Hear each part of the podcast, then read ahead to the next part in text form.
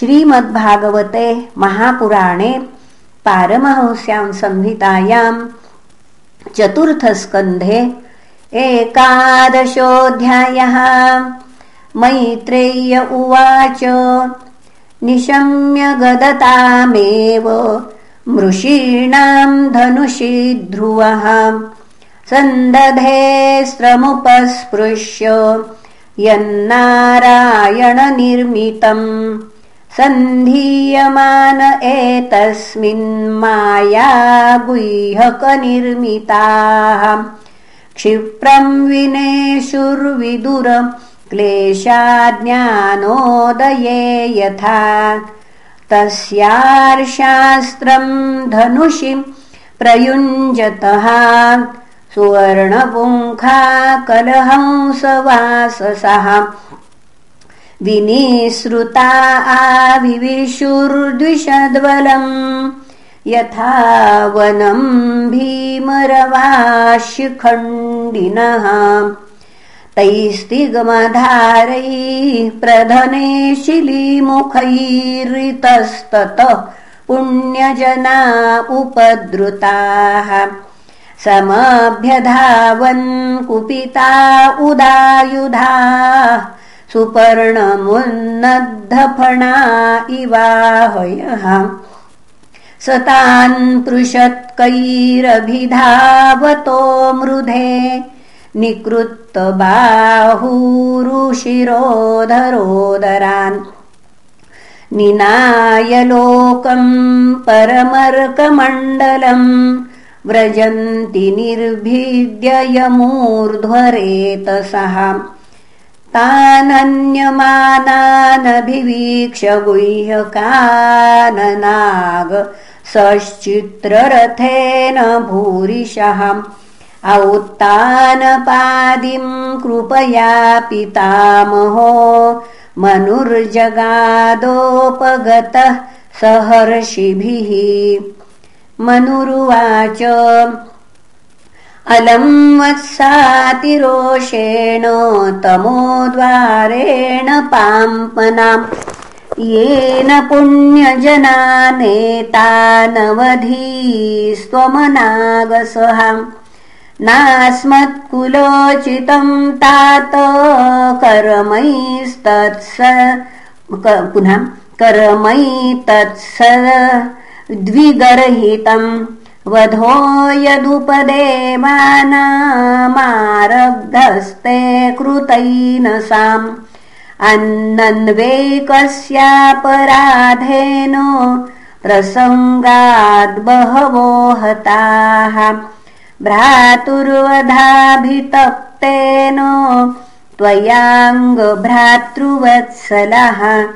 नायम् मार्गो हि साधूनाम् ऋषिकेशानुवर्तिनाम् यदात्मानम् परागृह्य पशुवद्भूतवैशसम् सर्वभूतात्मभावेन भूतावासम् हरिम् भवान् आराध्यापदुराराध्यम् विष्णोस्तत् परमम् पदम् सत्वम् हरेरनुध्यातस्तत्पुंसामपि सम्मतः।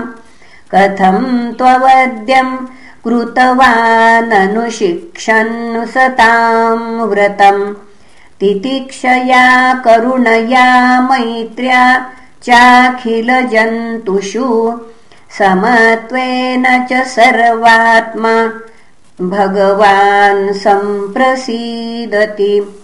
सप्रसन्ने भगवति पुरुष प्राकृतैर्गुणैः। विमुक्तो जीवनिर्मुक्तो ब्रह्मनिर्वाणमृच्छति। भूतैः पञ्चभिरारब्धैर्योषित्पुरुष एव हि तयोर्व्यवायात् सम्भूतिर्योषित् पुरुषयोरिह। एवम् प्रवर्तते सर्गः स्थितिः संयम एव च। गुणव्यतिकराद्राजन् मायया परमात्मनः। निमित्तमात्रं तत्रासीन्निर्गुण पुरुषर्षभः व्यक्ताव्यक्तमिदं विश्वम् यत्र भ्रमति लोहवत् स खल्विदम् भगवान् कालशक्त्या गुणप्रवाहेन विभक्तवीर्यः करोत्यकर्तैव निहन्त्यहन्ता चेष्टा खलु दुर्विभाव्याम्। सोऽनन्तोऽन्तकरः कालो नादिरादिकृदव्ययः। जनम् जनेन जनयन् मृत्युनान्तकम् न वै स्वपक्षोऽस्य विपक्ष एव वा परस्य मृत्योर्विशतः समम् प्रजाः। तम् धावमानमनुधावन्त्यनीशा। यथा रजंस्यास्निलम्भूतसङ्घाः। आयुषोपचयम् जन्तोस्तथैवोपचयम् विभुः। उभाभ्याम् रहितस्वस्थो दुःस्थस्य विदधात्यसौ। केचित्कर्म वदन्येनम् स्वभावमपरे नृप। एके कालम् परे दैवम् पुंसः काममुतापरे। अव्यक्तस्याप्रमेयस्य नानाशक्त्युदयस्य च न वै चिकीर्षितम् तात को वेदार्थस्वसम्भवम्। पुनः न वै चिकीर्षितम् तात को वेदाथ स्वसम्भवम्। न चैते पुत्रकः भ्रातुर्हन्तारोधनदानुगाः विसर्गादानयोस्तात् पुंसो दैवम् हि कारणम्।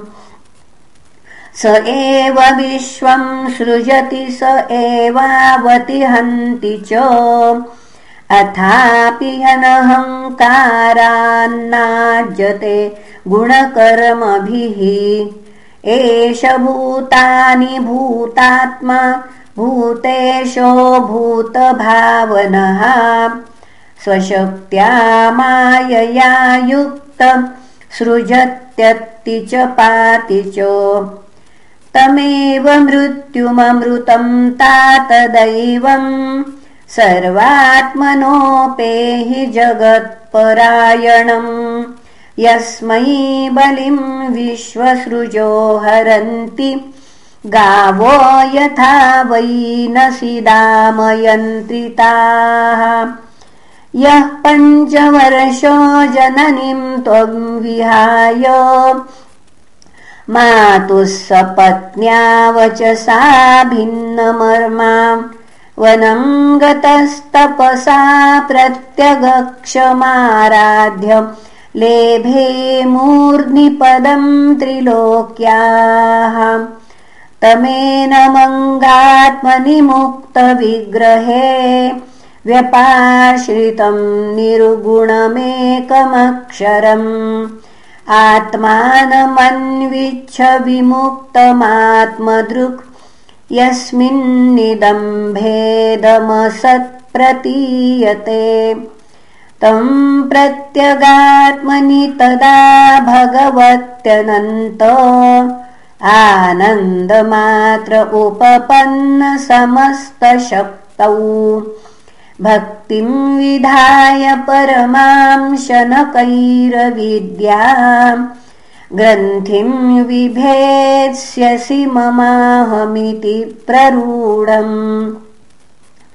संयच्छरोषम् भद्रन्ते प्रतीपम् शय्यसाम् परम् श्रुतेन भूयसा राजन्न गदेन यथामयम्।